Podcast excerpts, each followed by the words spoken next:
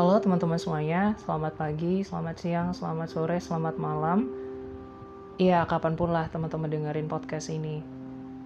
BTW kenalin nama gue Alif Alfian Surur, salah satu mahasiswa psikologi di Universitas Swasta yang ada di Yogyakarta. Well, ini sebagai episode pertama dan sebagai pembuka juga gue pengen banget membuat podcast ini sebagai media untuk gue bertukar pikiran dengan kalian. Jadi kalau misalkan teman-teman mau diskusi bareng sama gue, boleh banget karena gue masih minim dengan ilmu. Teman-teman bisa langsung DM gue di Instagram di @alifalfian.s. Gue akan sangat terbuka banget untuk teman-teman ajak diskusi karena gue bener-bener butuh teman diskusi akhir-akhir ini, nggak tahu kenapa. Well, di episode pertama kali ini, gue akan ngobrolin tentang masalah kegagalan. Siapa sih di dunia ini yang gak pernah ngalamin kegagalan? Kayaknya ajaib banget ya kalau misalkan ada satu orang di dunia ini yang isinya cuman keberhasilan tok gitu. Gak pernah ngerasain jatuh, gak pernah ngerasain kalah, gak pernah ngerasain gimana sakit hatinya ketika perjuangan yang udah lo lakuin selama ini ternyata dibatalkan oleh realita gitu. Dalam banget ya. Oke, okay, jadi kenapa sih gue pengen ngobrolin tentang masalah kegagalan gitu? Uh, Sebenarnya kalau gue ngomongin masalah kegagalan, ini kan salah satu hal yang sering banget kita jumpai ya dalam kehidupan gitu. Mau itu anak kecil, orang dewasa, remaja, lansia dan lain sebagainya pasti pernah mengalami hal ini. Cuman cara menghadapi orang kegagalan terhadap kegagalan itu beda-beda gitu. Ada yang mereka ya udahlah it's just another episode of our life gitu. Ya besok-besok pasti akan lebih baik lagi kok gitu. Ada orang yang bisa seperti itu tapi ada juga orang-orang yang kayak gue dulu di mana gue harus meratapi kegagalan itu. Istilahnya gue harus larut dulu dalam kesedihan sampai lama sampai akhirnya gue bisa recovery secara full. Ngomongin masalah kegagalan juga gue bikin podcast ini karena gue pengen podcast ini dijadikan tempat teman-teman yang mungkin mengalami pengalaman yang sama kayak gue untuk bisa merasa bahwa dirinya tidak sendirian karena rasa kesepian, rasa sendirian itu adalah rasa yang menurut gue sangat-sangat menakutkan apabila kita terlarut di dalamnya. Nah, gue mau sedikit berbagi cerita tentang pengalaman kegagalan-kegagalan yang pernah gue alami dalam hidup ini kegagalan yang sangat membuat gue terpukul itu adalah ketika gue gagal masuk ke universitas yang gue pengenin di jurusan yang gue pengenin. Oke okay lah, gue nggak perlu sebut universitasnya mana, gue nggak perlu sebut jurusan yang gue pengen apa gitu. Tapi waktu itu, pas waktu gue mengalami kegagalan, rasanya tuh hati gue hancur berkeping-keping. Gue nggak nafsu ngapa-ngapain, gue tidak melakukan peribadatan selama tiga bulan. Serius teman-teman, sekitar kurang lebih tiga bulan itu gue ngelamun, gue ngerasa kenapa hidup gue seperti ini. Pokoknya kayak gue merasa hidup tuh udah terhenti aja karena gue nggak bisa masuk ke tempat itu gitu. Um, di saat itu yang ada di pikiran gue adalah duh gue udah persiapan waktu itu gue udah persiapan untuk bisa masuk dan lolos di tes itu tuh sekitaran dua tahunan teman-teman. Ya nggak nyampe dua tahun lah satu setengah tahunan gitu. Tapi ternyata Tuhan berkata lain, gue diloloskan ke pilihan ketiga yang sebenarnya juga bagus, universitasnya juga bagus, well known juga, tapi jurusannya gue merasa gue nggak pengen itu awalnya. Gue suka sama jurusan itu, tapi gue nggak ekspektasi kalau gue akan masuk di situ dan gue juga nggak berekspektasi juga sebenarnya kalau misalkan gue akan menekuni bidang tersebut gitu Selain itu juga ada permasalahan-permasalahan lain turunan kayak misalkan masalah finansial dan lain sebagainya yang sampai akhirnya gue memutuskan untuk ya udahlah gue nggak ambil itu gitu. Itu di tahun 2017 ya teman-teman. Itu di tahun 2017. Kegagalan gak cuma sampai di situ dong. Gue gagal masuk UGM dua kali malahan untuk S1 sama diplomanya. Terus di tahun 2018 gue gagal lagi. Karena di tahun 2018 itu gue prepare dua hal yang PTN untuk bisa masuk ke PTN sama perguruan tinggi luar negeri. Dua-duanya gagal. gue gagal di perguruan tinggi negeri kayak UGM. Total berarti gue udah gagal empat kali sama yang 2017. terus gue gagal masuk UNY lewat UM-nya gue gagal juga di luar negeri gue gagal S1 YTB yang ke Turki itu terus sama gue gagal juga di akhir tahun itu kan beasiswa KGSP buka ya untuk S1 nah itu gue juga gagal juga di situ. Rasanya teman-teman itu nggak bisa digambarkan lah sepanjang tahun 2018 itu. Capek banget udah habis tenaga udah habis waktu udah habis biaya juga karena nggak murah juga kan untuk apply beasiswa semacam itu dan hati itu rasanya hancur aja. Kalau misalkan mau membedah pengalaman kegagalan itu itu akan jadi cerita yang panjang ya teman-teman. Tapi ya next lah kita akan obrolin tentang masalah itu. Nah apa ya sih yang sebenarnya gue lakukan untuk bisa keluar dari diri gue yang saat itu terpuruk gitu? Again kalau seperti yang gue bilang di awal yang 2017 itu kan gue tiga bulan ya gak bisa move on dari kegagalan gue. Kalau di tahun 2019 itu karena pada akhirnya gue sudah mendapatkan sertifikat bahasa waktu itu yang bisa digunakan untuk mengajar akhirnya gue memutuskan untuk ya udahlah gue ngajar aja. Jadi sepanjang 2020 itu gue ngajar tapi karena mentalitas yang gue punya saat itu masih mental anak lulusan SMA belum ngerti artinya dedikasi jadi masih ikut loncat gitu. Masih nemplok sana nemplok sini dua minggu gak kerasan di tempat kerja pindah lagi. Nggak ada sebulan di di tempat kerjaan yang lainnya gue pindah lagi dan lain sebagainya itu problematika mungkin yang gue rasa kalau misalkan mental lo belum gigih lo bisa jadi akan jadi orang yang kutu loncat but it's also another story to tell. Nah 2020 itu sorry di 2019 itu the whole year itu gue kan ngajar meskipun gue kutu loncat tapi udah banyak banget insight yang gue dapetin teman-teman insight yang gue dapetin adalah meskipun lo gagal dalam satu hal, it doesn't mean lo gagal di hal yang lain.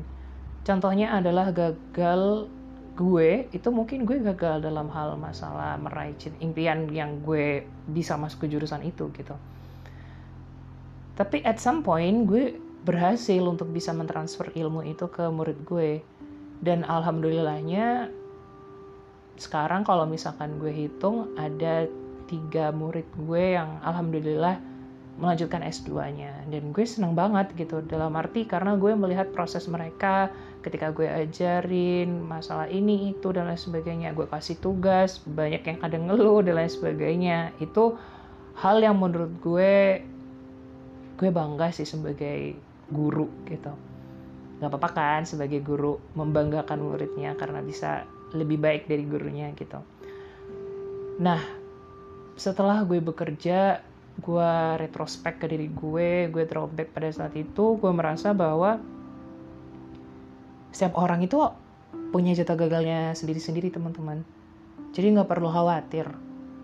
Kalau misalkan kita gagal hari ini besok mungkin kita akan mengalami kegagalan lagi. Tapi itu wajar. Wajar dalam arti setiap orang itu pasti akan melakukan kesalahan dan akan melakukan kegagalan kalau misalkan kita dinilai hanya dari kegagalan kita ya itu nggak objektif juga dong. Karena manusia tetap bisa melakukan kesalahan manusia bukan dewa gitu loh. Manusia bukan malaikat yang dia bisa selalu dituntut untuk perfeksionis. Pasti akan ada selalu kurangnya di sana ada di sini. Orang baik aja masih bisa dikomentarin gitu loh teman-teman. Apalagi yang kita sebagai manusia yang nggak terlalu baik-baik banget ya yang biasa-biasa aja karakternya pasti pernah melakukan kesalahan. Dan timbulnya mindset bahwa ya udahlah kalau manusia itu selalu memiliki kesalahan atau kegagalan ya itu hal yang wajar gitu. Tapi yang harus dipelajari bersama adalah jangan pernah larut dari kegagalan itu sendiri dan jangan lupa untuk belajar dari kegagalan. Karena gini teman-teman kalau menurut gue kalau menurut gue pribadi ya ketika kita tidak mengalami kegagalan maka kita tidak bisa belajar dari situ. Kan biasanya kalau kita gagal tuh kita jadi aware ya sama apa sih yang kurang dari kita. Kok bisa kita nggak dapet hal yang kita impi impiin gitu? Kok kita bisa sih nggak menuju target yang udah kita impi-impikan damba-dambakan dari lama gitu? Kenapa sih sebenarnya? Kayak gitu kan kita jadi tahu tuh kita jadi retrospek kita jadi introspeksi diri lebih baik lagi. Oh ternyata mungkin gue kurangnya di sini ya. Oh ternyata mungkin gue kurangnya di area A misalkan. Yaudah berarti kalau misalkan gue ada di area tersebut lagi atau ada kesempatan di area tersebut lagi gue udah prepare nih. Gue udah punya istilahnya ancang-ancang untuk gue bisa melakukan hal yang lebih baik lagi supaya gue bisa diterima di bidang tersebut. Nah, itu merupakan satu pembelajaran yang menurut gue sangat berharga tapi apakah kita mesti melakukan kegagalan dulu? Jawabannya bisa iya, bisa tidak. Kenapa bisa iya? Kadang ada beberapa orang yang gue rasa mereka perlu untuk disadarkan dengan kegagalan atau realita supaya mereka tahu bahwa mereka itu punya kurang dalam hal tertentu. Kenapa gue bisa bilang tidak juga?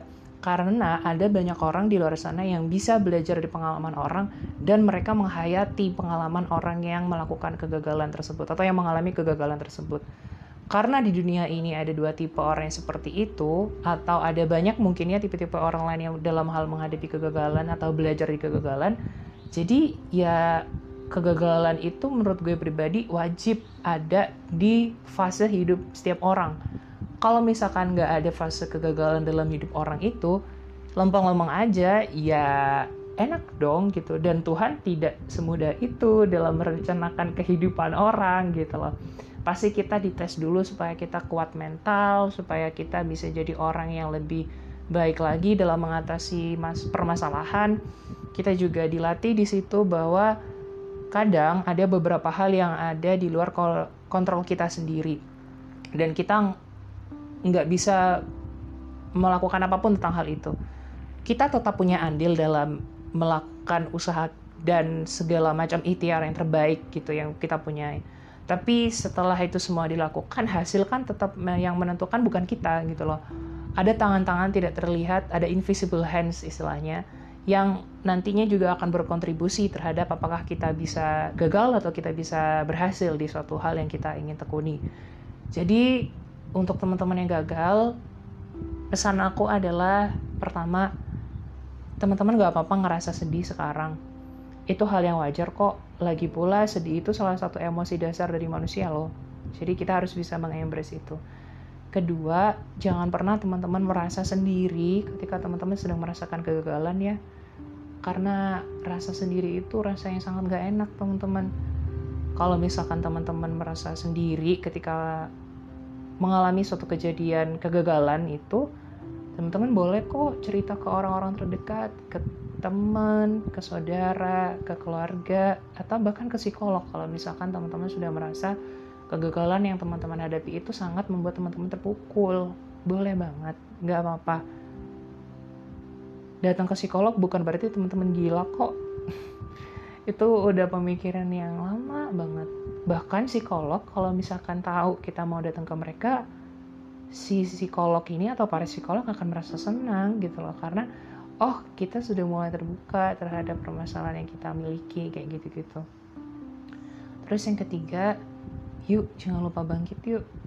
Kita bangkit bareng-bareng kita rakit kapal kita lagi kita sediakan petualangan-petualangan lain yang lebih seru kita sediakan lagi peta-peta yang lebih challenging daripada sebelumnya. Ini juga jadi salah satu pengingat untuk diriku pribadi sih teman-teman.